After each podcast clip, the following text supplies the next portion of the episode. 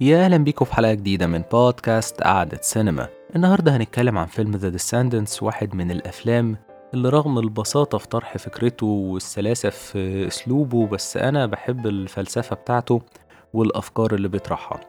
فيلمنا من إنتاج سنة 2011 وإخراج ألكسندر باين وتأليف باين برضو بالاشتراك مع نات فاكسون وجيم راش عن رواية حملت نفس اسم الفيلم. وحصد الثلاثي جائزة أوسكار عن أفضل نص مقتبس. وفيلمنا من بطولة جورج كلوني في واحد من أفضل وأروع أدواره وشيلين وودلي. وخلينا نفتكر مع بعض قصة فيلمنا بتحكي عن إيه. الفيلم بيحكي عن مات كينج المحامي المشهور اللي ساكن في هاواي ومنتمي لواحد من أكبر وأعرق العائلات هناك. والعيلة دي بتمتلك مساحة أرض كبيرة جدا آه، وزوجته بتتعرض لحادث في مركب وبيتسبب في تدهور حالتها الصحية وبيبقى وفاتها مسألة وقت بعد ما دخلت في كومة طويلة. وبسبب الحادث ده مات بيضطر يتقرب تاني لأسرته بعد ما كان منشغل معظم الوقت عنهم في الشغل وكأنه بيعيد اكتشاف حياته من جديد وبيكتشف إن بنته الكبيرة مدمنة والصغيرة عنيفة وسلوكها سيء وبتكون المفاجأة الأكبر إنه بيكتشف إن مراته كانت في علاقة غرامية. وبتخونه وكانت على وشك إنها تطلب الطلاق منه. الحقيقة إن الفيلم ده تفاعل الشخصيات فيه عجبني جدا لأن هو مش معتمد بشكل أساسي على إن مثلا في حبكة يعني بتظهر في الآخر حلها أو حاجة لأ هو ناس بيكونوا عايشين حياة وفجأة بيتعمل عليهم كده زي زوم فإحنا بنشوف حياتهم دي عن قرب. ويمكن ده يعني يعني الأسلوب المفضل لألكسندر بين عامة في أفلامه. فالتفاعل بين الشخصيات كان حلو جدا وفي الفيلم كله ما كانش فيه شخصية مش مفيدة أو حتى لو في الأول بانت كده يعني يمكن أنا كنت حاسس إن مثلا في شخصية صديق بنته الكبيرة ألكسندرا كان في الأول بالنسبة لي يعني هو جاي يعمل إيه؟ كنت حاسه كده جاي عشان مثلا يقول إفيه أو حاجة لأ اكتشفت إن هو كل الناس دي وجودها مهم ومثلا الولد ده عمل مثلا مشهد حلو جدا مع جورج كلوني في الفيلم يعني. فبس أهم شخصيتين بالنسبة لي حابب أتكلم عنهم في الأول هم شخصية ألكسندرا عشان ده الكلام اللي أقل عنها. كان عاجبني جدا إن الشخصية دي كانت غضبانة ومتمردة وكل ده كان زي ما يكون رد فعل عن الأوضاع اللي هي فيها. لأن هي الوحيدة اللي كانت عارفة بالخيانة اللي كانت يعني والعلاقة اللي كانت الزوجة فيها وكانت من ورا جوزها وفي نفس الوقت كانت مش عاجبها خالص تصرفات الأب إن هو سايبهم.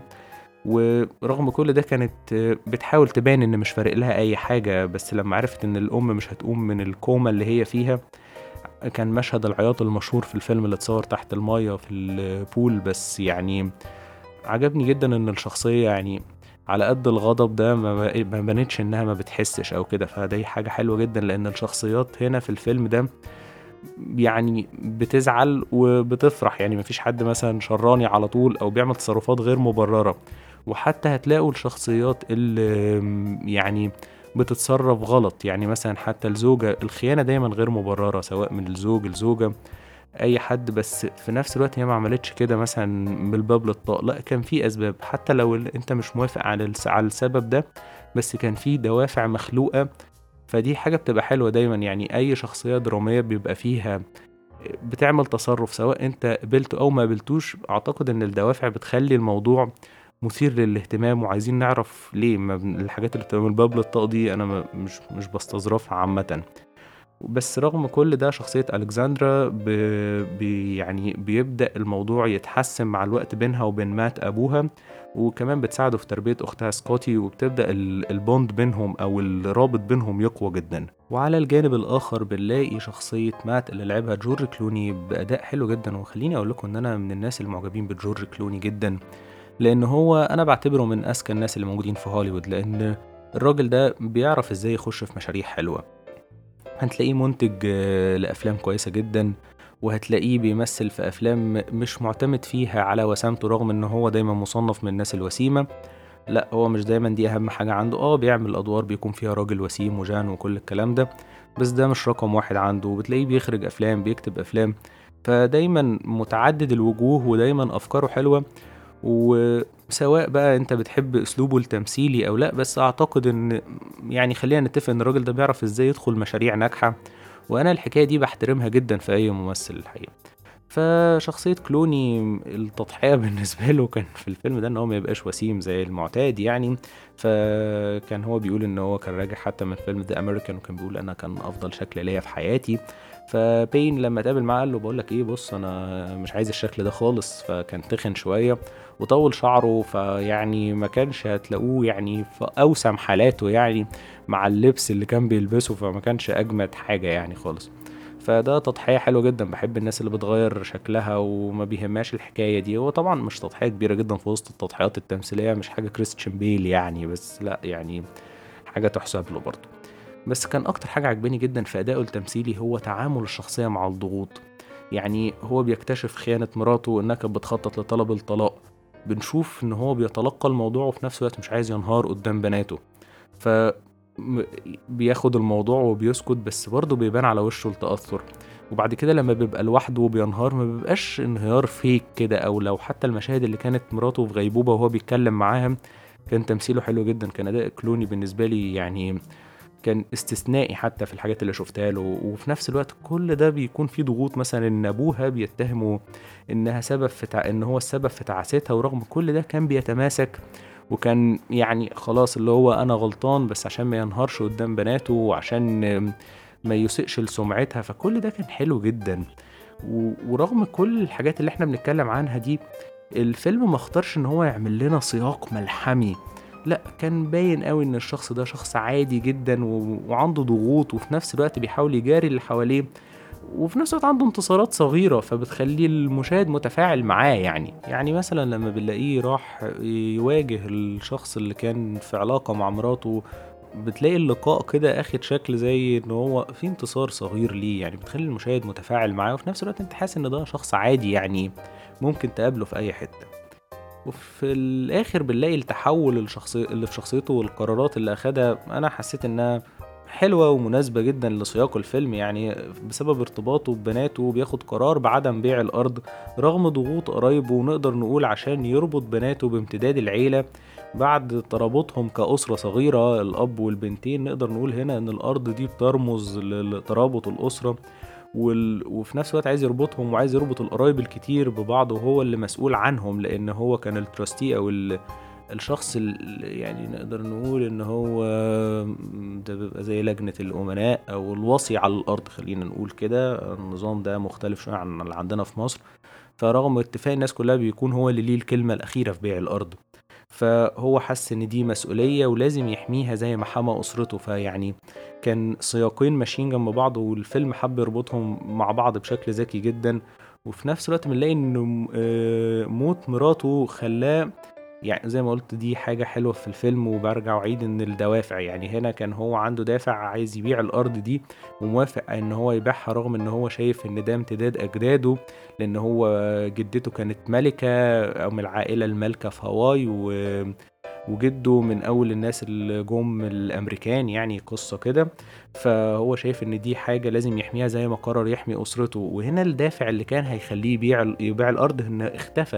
آآ مراته ماتت وهي كانت محتاجة الفلوس وكان بيوعدها إن هو لو قامت هي هياخدها ويلفوا العالم سوا مع بعض، فما عادش في الدافع ده خالص، وفي نفس الوقت كان في حاجة ذكية وده كان انتصار برضه شخصي كده ليه برضه، إن هو ال الورثة كانوا هيبيعوا لمجموعة شركات كبيرة جدًا تقريبًا من ميتشيجن أو لواحد مستثمر كان متربي في هاواي، فهو عارف إن المستثمر اللي العيلة قررت تبيع له لو الراجل ده باع هيكون من ضمن فريقه اللي هيستفيد ماديًا بسبب أمور سمسرة. هو الراجل اللي كان على علاقة بمراته، فكان ده زي ما نقول كده انتقام من تحت لتحت، فده برضه حاجة حلوة جدًا زي ما قُلت لكم الدوافع اللي بتاعة الشخصية حلوة جدًا. الحاجة بقى اللي كانت مختلفة في الفيلم كمان بعيدًا عن الشخصيات هي هاواي، آآ هاواي دايمًا بتتصور لنا كمكان بتبقى جزء من من رحلة لأبطال الفيلم، أنا مش فاكر إن فيلم كامل تقريبًا في أمريكا كانت بتدور أحداثه في هاواي، أنا م مش متذكر. ما أعرفش أنتم يمكن حد شاف فيلم زي ده، بس أنا في اللحظة دي مش حاضر في ذهني خالص، كان دايمًا بتبقى السفريات لهاواي. سفرية كده طلعة مصيف وسط الفيلم، حد رايح يعمل حاجة، بس إن الفيلم كله تدور أحداثه في هاواي، وبتبقى وجودهم في هاواي مؤثر ده ما اعتقدش انه حصل. فدي من نقط ميزة الفيلم. فهنا كان المكان زي ما قلت جزء لا يتجزأ من أحداث الفيلم خالص. وكان مكان مثالي بصراحة لأن الفيلم ده عن عيلة وأصدقاء وناس ساكنين جنب بعض فهاواي مجموعة جزر فإنك تبقى عايش على جزيرة بتبقى عارف اللي حواليك أكتر ما تبقى المدينة كبيرة قوي وكل واحد في حاله.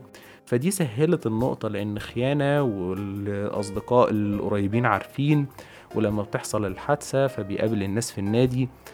ما بتحصلش الحكاية دي غير في الأماكن الصغيرة قوي. بس رغم كل ده اللي عجبني في الفيلم إنه مقدمش هواي كجنة الناس كلها مبسوطة فيها بالعكس في صراعات ومتاعب جوه الولاية والناس فيها ليهم طباع خاصة زي ان زي ما قلت إن هم عارفين بعض وبيسألوا عن بعض زي مشهد حتى ممكن نستشهد قوي بمشهد اللي هي أم صاحبة بنته لما راح يعتذر لها في أول الفيلم بيسألوا أنت تعمل إيه في الأرض؟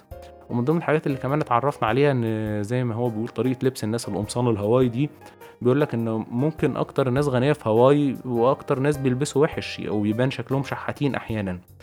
فدي حاجة حلوة جدا وفي نفس الوقت ما قدملناش الشكل الرومانسي. آه كل ما بتتقدم أحداث الفيلم كنا بنشوف تصوير أكتر لهواي وكان بصراحة مبدع جدا. المشاهد الخارجية اللي نقلت لنا الطبيعة هناك. آه كان الموضوع بيبقى حلو وبينقل لنا الحاجات هناك بس في نفس الوقت كان في لقطات الجو مغيم والمطر موجود بشكل تحسه متماشي مع أحداث الفيلم وكانت بت... كأنها بتبقى خلفية للصراع اللي بيحصل في الفيلم زي مثلا الفترة اللي كان أو الوقت اللي كان هيروح يقابل فيه آه، الراجل اللي كان على علاقة بمراته. فالموضوع ما كانش وجهة نظر رومانسية زي الحياة جانب كويس وجانب مش حلو قوي. ويمكن كان في احتفاء من أحد النقاد آه، لما كتب إن الفيلم بيظهر الوجه الحقيقي لهاواي بشكل خاص والأمريكا بشكل عام بعيدا عن إن المكان ده كل إن الكل فيه يتمتعوا بالقوة لأ في مكان ناس بتشتغل وعندها أخطاء وبتتحط قدام اختيارات صعبة. بس على قد ده كله كان في انتقاد لبعض الناس اللي من هواي للفيلم إن الفيلم ما نقلش صورة تاريخية دقيقة على فكرة قصة آه، الملكة اللي هي كانت في هواي جدته وامتلاكها للأرض. دي نسبة وتناسب نقدر نقول إنها اللي فهمته إنها مستوحاة من عائلات حقيقية هناك بس هما كانوا عايزين يتكلموا أكتر عن قانون بيع الأراضي والحاجات دي. بس أنا بشكل شخصي آه هو كل واحد من حقه ينقد الفيلم و هما ممكن ما صدقوا إن في حاجة بتتكلم عن هواي فهم عايزين يستغلوها لمناقشة حياتهم. لأن أي حد هتلاقيه مثلا من مدينة صغيرة مثلا خلينا نقول مثلا في مصر وما صدق لقى إن حاجة مسلسل أو فيلم بيتكلم عن المدينة دي. فأكيد هيكون فرحان ونفسه إنها الناس تتكلم أكتر وتحكي مشاكل المدينة وإيه اللي بيحصل. لأن مثلا هنلاقي مثلا في مصر إن الناس مثلا بتتكلم عن القاهرة وإسكندرية بشكل أكبر مثلا في الأفلام والمسلسلات. فخلينا نعكس الموضوع ده على هواي مثلا. فهم كان نفسهم الحاجة تناقش أكتر حياتهم ومشاكلهم. بس أنا في رأيي كان هيبقى الموضوع عامل زي ما يكون درس تاريخ يعني شوية أو هيدخلنا في مواضيع إحنا مش مهتمين بيها والمواضيع في رأيي مش مثيرة قوي من الحاجات اللي قريتها. فبس هي وجهة نظر يعني بس أنا رأيي إن الفيلم اختار الاختيار الصح. فأعتقد يعني إن العناصر دي إدت إضافة للفيلم. بس أكتر حاجة عجبتني بقى بشكل شخصي ال الرسالة أو الفكرة كلها بتاعت الفيلم إن المشاكل دي كلها خلت الأب والبنتين دول الأزمة ما تدمرهمش لأ دي كانت بداية ليهم مش ضربة قاضية خالص. وده اتعمل بشكل ذكي وسلس جدا في السكريبت بصراحة والإخراج برضو كان مميز قوي. فلما بنقارن البداية والوضع ال الزوجة اللي في المستشفى والبنات اللي كل واحدة عايشة في عالم والمشاكل اللي كانت عند سكوتي تحديدا في المدرسة. وبعدين بنلاقي في الآخر النهاية الهادية اللي هم قاعدين مع بعض بيتفرجوا على التلفزيون رغم إنها حاجة بسيطة بس بقى شكلهم قريب قوي من بعض. عجبتني الفكرة إن الموضوع يعني الضربة دي ما ما قضيتش عليهم. لا كانت بداية حلوة. وفي نفس الوقت أسلوب الفيلم في إنه يعمل الحكاية دي كان عاجبني قوي يعني الإيقاع منضبط دايما ومش سريع قوي بس منضبط وفي نفس الوقت ما يعني مفيش ملل. ويعني نقدر نقول إن الموضوع بيتكشف أوراقه حبة حبة يعني. آه إحنا الفصل الأول كان الموضوع ماشي تدريجي شوية إحنا بنعرف الأشخاص بنعرف مشاكلهم وبعد كده بنعرف موضوع الخيانة بنعرف حاجات كتير قوي. بس يعني بشكل بسيط قوي وفي نفس الوقت البساطة والسلاسة دي ادت وقت للمشاهد انه يكون فكرة كويسة عن الشخصيات فقدر يتفاعل معاها. يعني ما يعني ما جابوهوش كده بسرعة. أعتقد أسرع من كده كان ممكن يبقى فيه مشاكل. فدي حاجة حلوة قوي جدا في الفيلم. وفي نفس الوقت الفكرة التانية اللي طرحها الفيلم وكانت عجباني قوي إن مش كل حاجة بتكون زي ما هي ظاهرة. الحقيقة أحيانا بتكون مختلفة وزي ما قلت إن الفيلم ده جاب شوية ناس وعمل zoom على حياتهم وادانا الفكرة دي. وده اتطرح حتى من أول لحظة في الفيلم ال voice over بتاع جورج كلوني اللي بيقول إن الناس كلها بتقول إن هو عايش في الجنة في هاواي بس برغم كل ده هو ما عملش نشاطات من اللي هي بتاعت ال- اللي اتعمل في المية والانبساط من 15 سنة. لا هو عايش في شغل والناس كلها شايفة إن الأسرة دي ممكن تكون جميلة بس آه، آه، هو مثلا بيحكي إن هو كانش مترابط معاهم وإن هو آخر مرة كلم مراته من 3 أيام. وحتى الفكرة دي كانت في التفاصيل عن هواي زي ما قلت موضوع اللبس وكده. فالفكرة إن مش كل حاجة يعني آه في حياتنا عامة فكرة ال first impression أو ال ال ال النظرة الأولى يعني الانطباع الأول للأمور آه، أفضل. الكلمة دي يعني هن مش دايما هو الصح دايما آه هو مهم جدا بس برضه أحيانا بنحتاج إن إحنا نبص على الأمور بشكل أعمق. فدي الحاجات اللي عجبتني في الفيلم وزي ما قلت الفيلم كله عناصر مميزة جدا. بس آخر حاجة حابب أشيد بيها في الفيلم هي الموسيقى اللي كانت حلوة جدا وبسيطة جدا. والجيتارات كانت حلوة قوي فيها وكل حاجة يعني كانت على قد بساطة الفيلم وقد بساطة فكرته وفي نفس الوقت كانت مؤثرة زي أحداثه وشخصياته. وحتى اللحظات اللي كانت فيها يعني بيروحوا يقعدوا في مكان في هاواي كانت الموسيقى المحلية بتاعت هاواي برضو كانت بتبقى مصاحبة لينا كانت حلوة قوي يعني تم استخدامها اللي هي الموسيقى اللي الفرق بتلعبها في الشارع كانت حلوة قوي برضو فالموسيقى كانت عنصر قوي جدا ومؤثر جدا وزي ما قلت التصوير في الأماكن الخارجية كان عظيم جدا. لحد هنا خلص كلامي عن الفيلم.